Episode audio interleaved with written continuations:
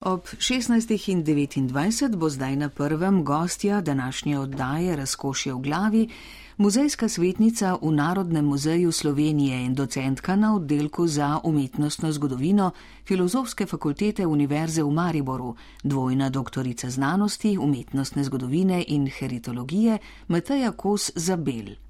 Specialni področji njenega dela na področju uporabne umetnosti sta keramika in steklo. Je avtorica številnih razstav, člankov in knjig ter raziskovalka, ki v svoje delo vključuje naravoslovne metode pri preučevanju muzejskih predmetov. Opravlja tudi ekspertno delo in je vodja evropskega projekta Kreativno podjetništvo v keramičnih regijah, razvijanje, izobraževanje, uspodbujanje. Docentko dr. Matejo Kos Zabel je pred mikrofon povabila Petra Medved.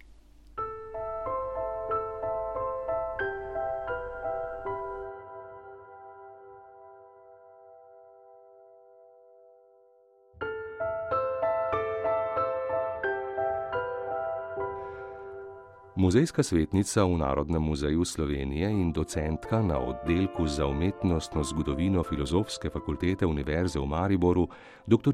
Mateja Koz Zabel, se spominja, da je že kot otrok starši, pa tudi kasneje kot mladostnica, rada obiskovala muzeje.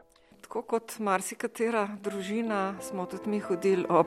Dobro, v mojih časih je vikend predstavljal pravzaprav samo nedeljo. Ne? V mesto in sicer v pogled Mamuta muzej. In pa potem na Rožnik, pa na Pomfrit, ki so ga prodajali na tedajni Titovi cesti. In seveda se spomnim, tako kot mnogo mojih vrstnikov, Mamuta z tega muzeja. Drugače sem pa potem v gimnaziji hodila v umetnostno-zgodovinski krožek, ki ga je vodila naša legendarna profesorica Milena Kožuh tudi udeleževala sem se ekskurzij s tem krožkom. Moja prva je bila že kar v prvem letniku, ko smo obiskali München, Salzburg in seveda vse muzeje v okolici in v samih teh mestih. Naslednje leto pa smo šli na Nizozemsko, skratka, tako um, srečen z muzeji je bilo res veliko. Je pa po drugi strani tudi to, da me takrat niso zanimali samo muzej in samo umetnostna zgodovina, saj sem bila tudi članica, hodila sem v biološki krožek, pa jamarjem in tako naprej. Ne. Tako razne stvari so se takrat nekako počasi oblikovale in na koncu sem se vseeno odločila, da ne bom šla po poteh svojih staršev, kar je zdravstvo. Sem se torej upisala na umetnostno zgodovino in ker pa so me zanimali tudi drugi problemi v zvezi z umetnostjo, je nekako potem logično, da je bil drugi predmet filozofija.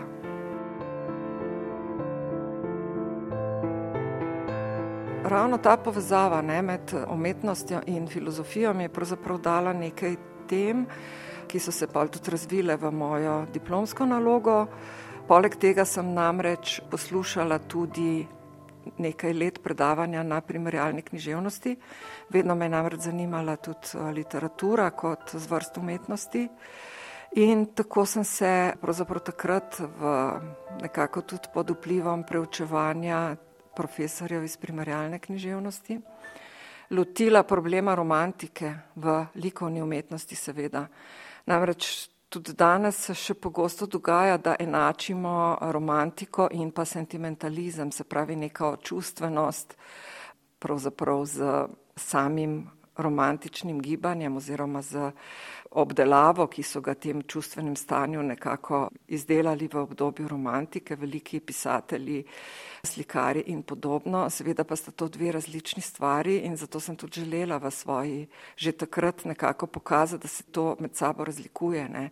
In tudi tako bi se je moje delo nanašalo predvsem na romantiko in Biedermajer v slovenski umetnosti, zlasti v krajinarstvu. In tukaj je bil seveda problem, ker pač je bilo potrebno ponovno definirati, kaj je to bidermajerska umetnost. Ne. Prej je veljalo, da je tukaj en nosilen element, to romantično vzdušje. V resnici gre pa za sentimentalizem, za neko drugo vrsto čustvenosti, ki s samimi idejami uh, romantičnega gibanja nima kakšne velike posebne zveze. Docentka dr. Mateja Koz Zabel se je v Narodnem muzeju Slovenije zaposlila leta 1985. Že takrat je bila njena želja, da bi sodelovala ob 200. obletnici ustanovitve prvega muzeja na slovenskem, ki je bila lani. Želja se je uresničila, saj sta s sodelavko Alenko Miškec vodili velik del priprav na ta dogodek. Rezultat njunega dela pa je bila razstava Zlata sled, ki je še vedno na ogled v muzeju. V Narodnem muzeju Slovenije sem zaposlena od leta 1985. To ni bilo takoj po moji diplomi, sem bila namreč že prej v službi v knjižnici, namreč tako kot današnji mladi, tudi naša generacija ni dobila takoj služb. Bila sem pa tudi dve leti prav na podlagi te svoje diplomske naloge, za katero sem dobila študentsko preširnovo nagrado filozofske fakultete. Sem bila stažistka raziskovalka, to je ekvivalent današnjemu mlademu raziskovalcu na oddelku za umetnostno zgodovino. In šele potem sem pravzaprav prišla v muzej. Tako da sem pravzaprav zdaj že res dolgo zaposlena v muzeju. Mogoče še to dodam. Nisem bila pa v tem času, v vseh teh desetletjih, zaposlena samo v muzeju. Tako sem bila eno obdobje dodatno zaposlena na inštitutu Jožef Štefan. In pa zdaj sem že od leta 2009 najprej zunanja sodelovka, potem pa tudi dodatno zaposlena na oddelku za umetnostno zgodovino Filozofske fakultete Univerze v Mariboru.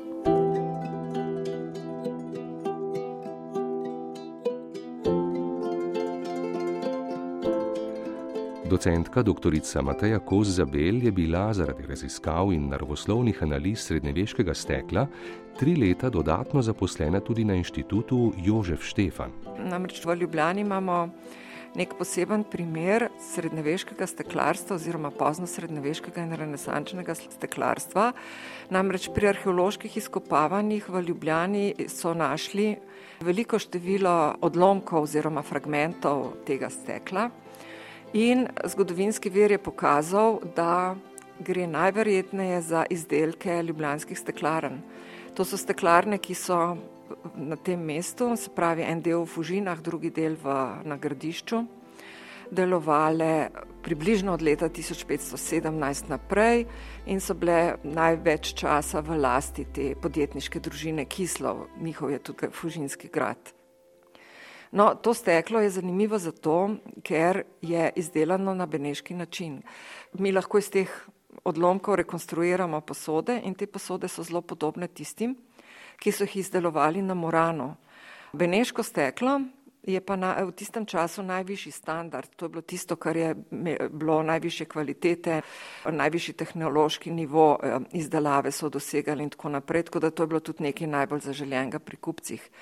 In ko smo našli to v Ljubljani, je bilo zdaj treba ugotoviti, ali so bile ljubljanske steklarne tako zelo sposobne, ali pa gre za uvoženo steklo, ker so namreč v centru mesta, na današnji Stritarjevi ulici, je bila namreč tudi trgovina s steklom v tem času.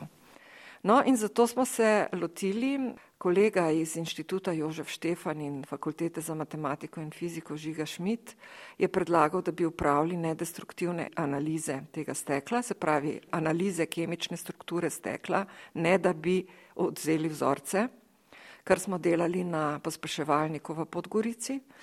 In v tem času smo potem tudi prijavljala raziskovalni projekt, ki so ga dobila in tako sem je prišlo do tega, da sem bila tri leta dodatno zaposlena na inštitutu Jožef Štefan, kjer smo delali te raziskave. Med drugim so se pa te raziskave kasneje v kasnejših projektih tudi razširile, delali smo še razne druge stvari, kot je keramika. Želeli smo ugotoviti, ali obstaja metoda podobna kot za steklo, s katero bi lahko določili kemično strukturo keramike, ki pa ni homogena za razliko od stekla. Poleg tega obstajajo glazure, podglazurne barve, nadglazurne barve, veliko bolj komplicirano. Skratka, enkrat smo iskali to metodo, delali smo tudi pigmente na slikah, se pravi na slikarskih umetninah, ne samo za Narodni muzej Slovenije, ampak tudi za Narodno galerijo in tako naprej. Skratka, to je to. Na področju uporabne umetnosti sta specialni področji dela docentke dr. Mateje Koz Zabel, keramika in steklo. V knjigi Umetnost za vsak dan, slovensko modernistično steklo, je opisala tradicijo oblikovanja stekla na ozemlju današnje Slovenije.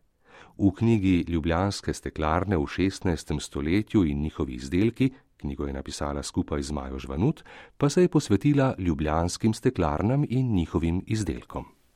Kar se tiče raziskav stekla, me je tukaj seveda najbolj pritegnilo to steklo ljubljanskih steklarn.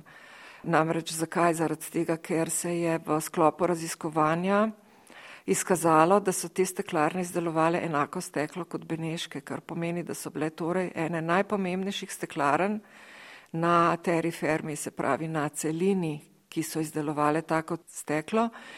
In glede na to, da kakšnih novih podatkov, zgodovinskih podatkov o steklarnah v Srednji Evropi trenutno ni, pomeni, da še vedno velja, da so tudi ene najstarejših.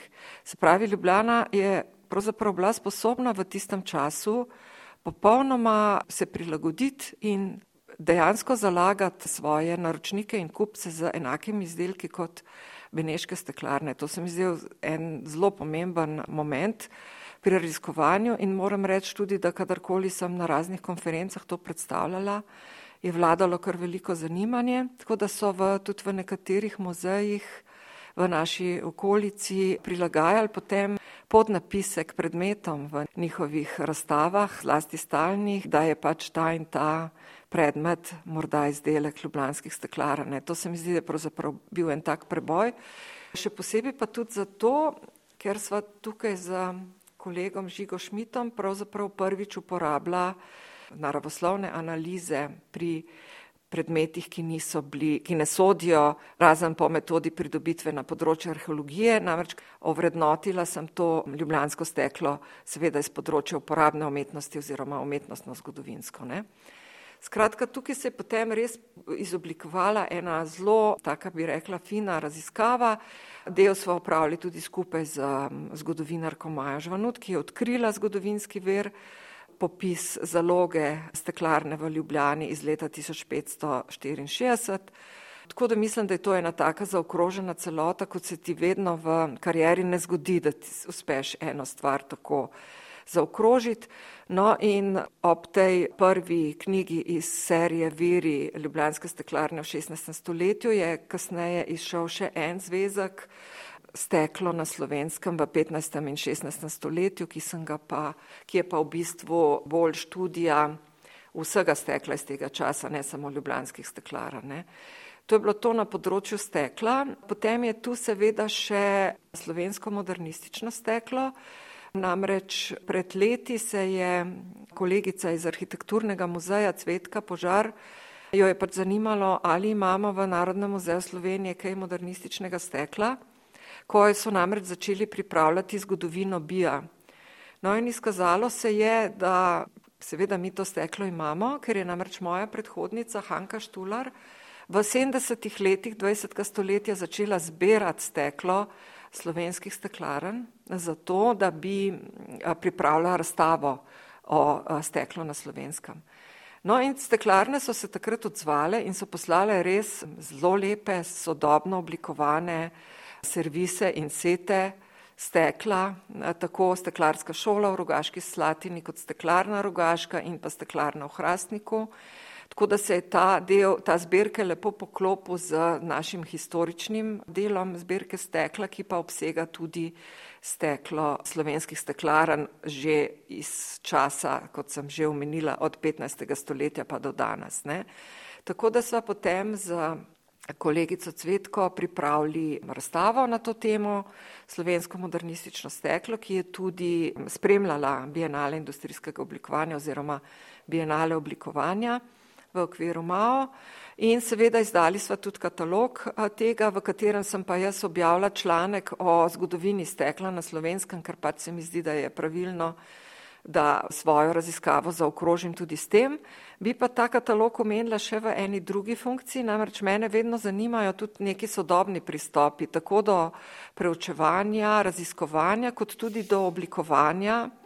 Skratka, tudi čist konkretno sodobna umetnost in vse njene konotacije. No in zato so prosili, da je katalog oblikovala in seveda posnela tudi fotografije sodobna umetnica Tanja Lažetič, tako da je ta katalog istočasno tudi knjiga umetnika. Je popolnoma poseben in drugačen, kot so sicer običajni muzejski katalogi. To bi lahko podarila kot um, pač neki zaokroženi celoti v moji karieri preučevanja stekla.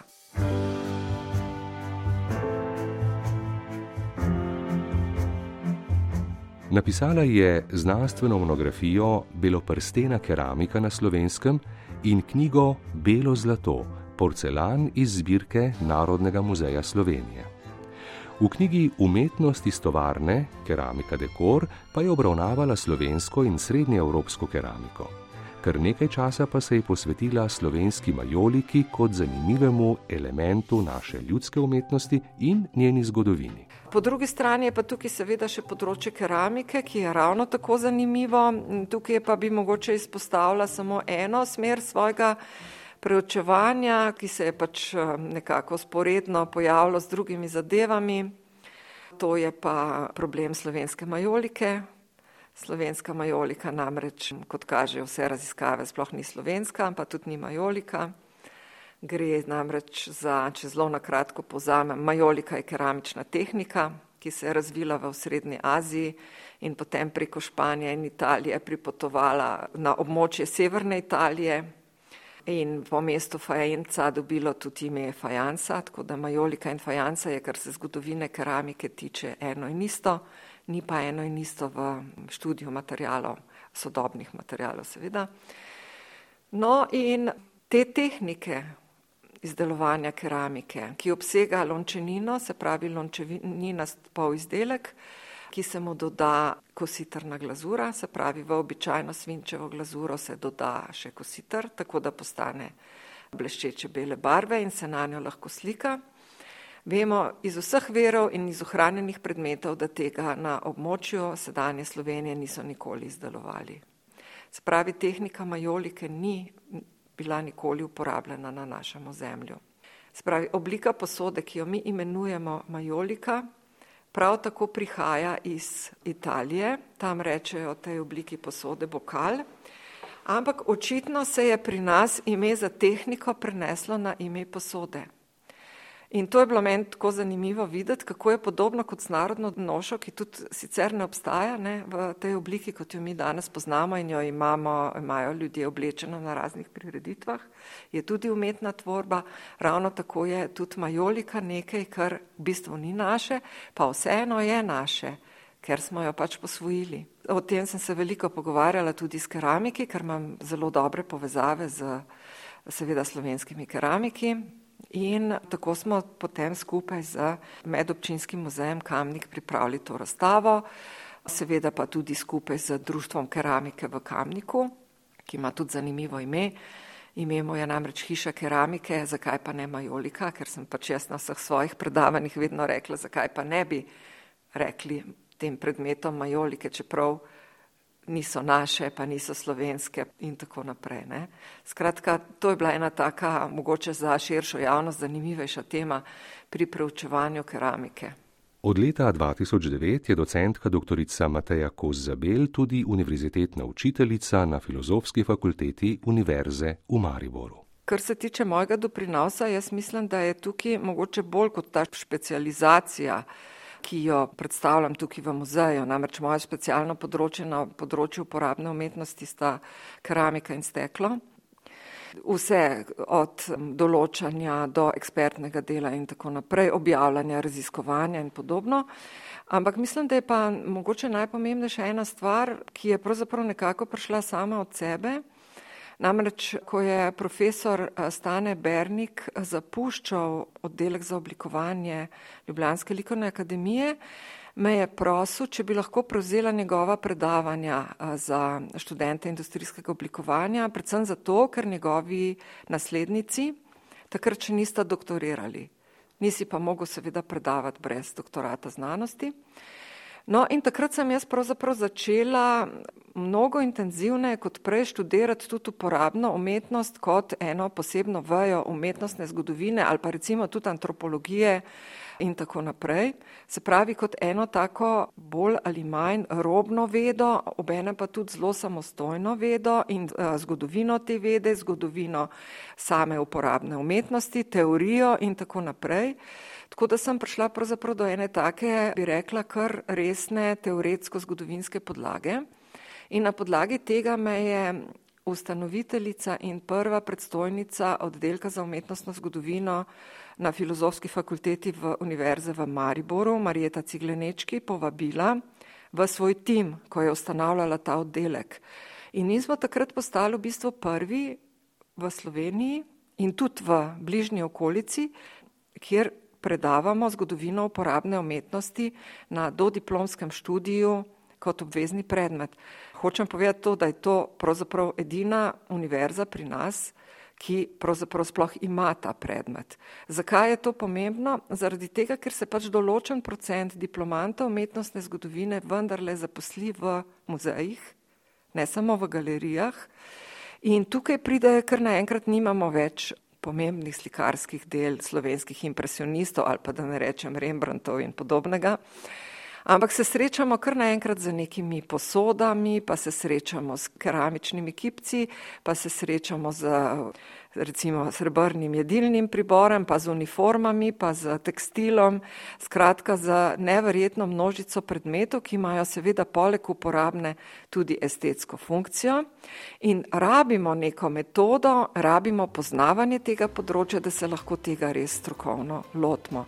In jaz mislim, da je ta prispevek k vzgoji mladih ljudi ravno na tem področju nekaj, kar sem lahko, sem imela veliko srečo, da sem lahko prispevala v svoji karieri. Zdaj v zadnjem času sem se pa zlasti usmerila na nekaj, kar se mi zdi, da je tudi zelo pomembno in to prav tako predavam v Mariboru, to je pa muzeologija v teoriji in praksi. To je pa ciklus predavanj na drugi stopni, to pa ni neka posebna noviteta, ker to predavajo tudi na Univerzi v Ljubljani in na Univerzi v Kopru. Ampak sem se hotela spopasti s tem področjem malo drugače, pa tudi zato, ker zdaj počasi zaključujem svojo kariero tudi v muzeju. In se mi zdi, da je prav, da se potem, ko si že res toliko desetletij delal, praktično razmišljal o muzejih, o njihovi vlogi in tako naprej, da se pravzaprav posvetiš tudi teoriji. Tako sem potem pred petimi leti upisala še en doktorat v Ljubljani iz področja muzeologije in sem ga tudi za veliko tremo, ker sem pač toliko starejša od ostalih sošolcev in sošolk, uspela zagovarjati.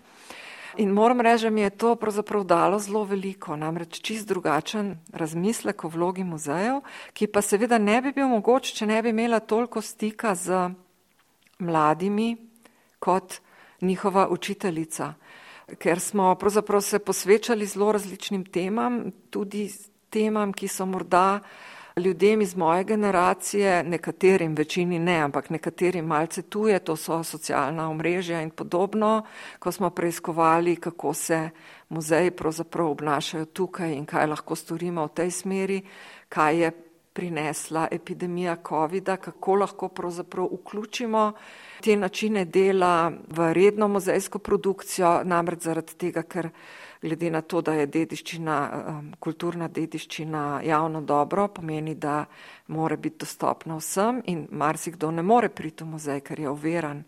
Pa mu lahko na ta način, ki smo ga zdaj dejansko razvili v času epidemije, uporabimo za kaj takšnega. Ne? In vse to, po mojem, mora biti tako poučevanje, vedno interakcija dveh strani. Ne? Ni dovolj, če ti prideš v predavalnico in svojo odpredavaš ali pač to storiš po MS Teamsih, ampak je zelo fino, da obstaja ta interakcija, tako da jaz tudi rada dam kakšne naloge študentom do naslednje ure, da mogoče nekaj poskušajo sami preučiti ali pa najti neko rešitev ali pa tako naprej. Tako da moram reči, da meni to res eh, veliko pomeni in sem zelo zadovoljna, da imam to možnost.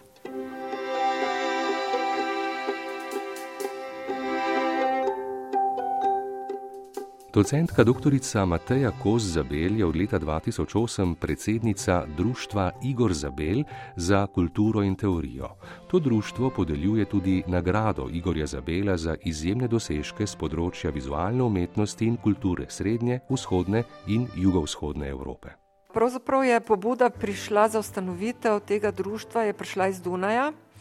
In sicer je filmski režiser in sodobni umetnik Jozef Dabrnik me en dan poklical in je rekel, da bi bilo treba nekaj narediti, da bi ohranili zapuščino mojega pokojnega moža Igorja Zabela, ki je bil kustos v moderni galeriji in je bil zelo aktiven na, prav tako tudi na mednarodnem področju. In da bi se pač pogovorili z skladom Erste, kaj lahko naredimo. In tako so oni predlagali, da bi ustanovili društvo in smo se skupaj z družino seveda odločili, da bomo to tudi storili. Tako da to društvo ni samo pravzaprav skoncentrirano na ta del. Dejansko je mogoče najpomembnejša stran društva ta nagrada, ki jo podeljujemo in ki je ena najvišjih finančnih nagrad v Evropi ali pa vsaj v srednji Evropi. To je nagrada za kuratorsko delo in delo na področju teorije sodobne umetnosti. Ampak osnovno delo, ki smo ga opravili, tukaj sem tudi jaz zelo sodelovala oziroma sem ga tudi veliko opravila, je bilo nekako urejanje te zapuščine. Potrebno je bilo pač zbrati vse papirje, vse pregledati v raznih računalnikih, pregledati, kaj je doma in tako naprej. In rezultat so knjige, ki jih je izdala založba CF, takrat jo je še vodila tudi nažalost pokojna Zoja Skušek. Nekaj smo izdali tudi mi, namreč ker sem prav po vseh teh letih pred tremi leti našla celotno mapo z katalogom razstave Kustosova soba, ki je bila pravzaprav ena tak res zanimiv projekt Igorja Zabela. In smo to izdali pred enim letom v knjižni izdaji. Seveda pa tudi naše društvo pomagalo nekaterim ustanovam pri delu za to zapuščino, tudi konec koncev smo mi omogočili, da je ena študentka uredila oziroma diplomirana umetnostna zgodovinarka že takrat uredila arhiv Igorja Zabela v moderni galeriji. Ne?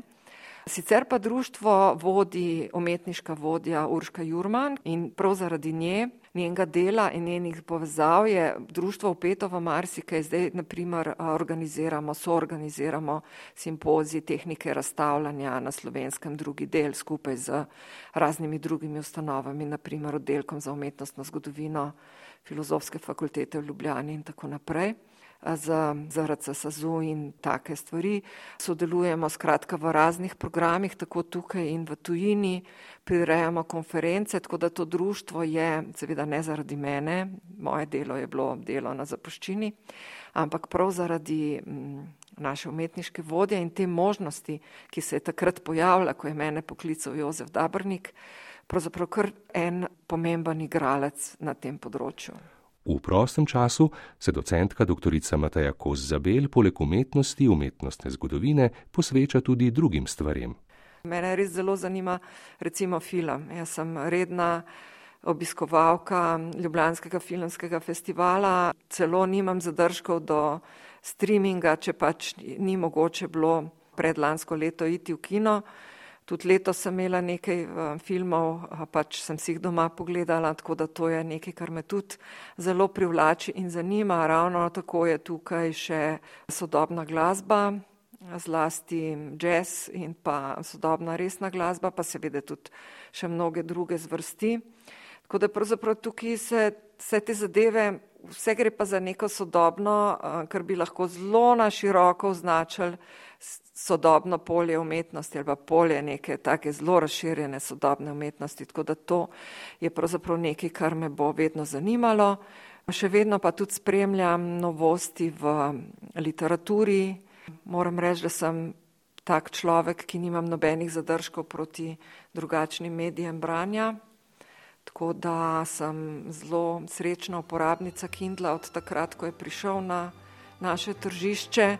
Namreč zelo me fascinira, da si lahko knjigo, ki je dobila nagrado Man Booker, naložim takoj, ko to nagrado dobi in jo že naslednji dan preberem. Tako da tudi to je eno področje, s katerim imam veliko veselja.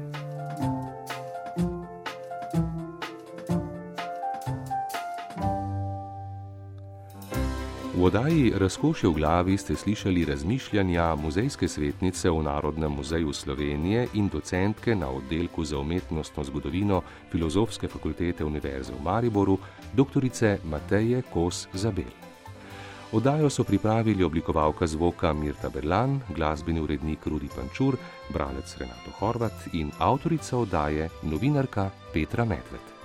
Odajo razkošje v glavi lahko znova slišite na spletni strani prvi.rtvslo.si in v vaši aplikaciji za podkaste.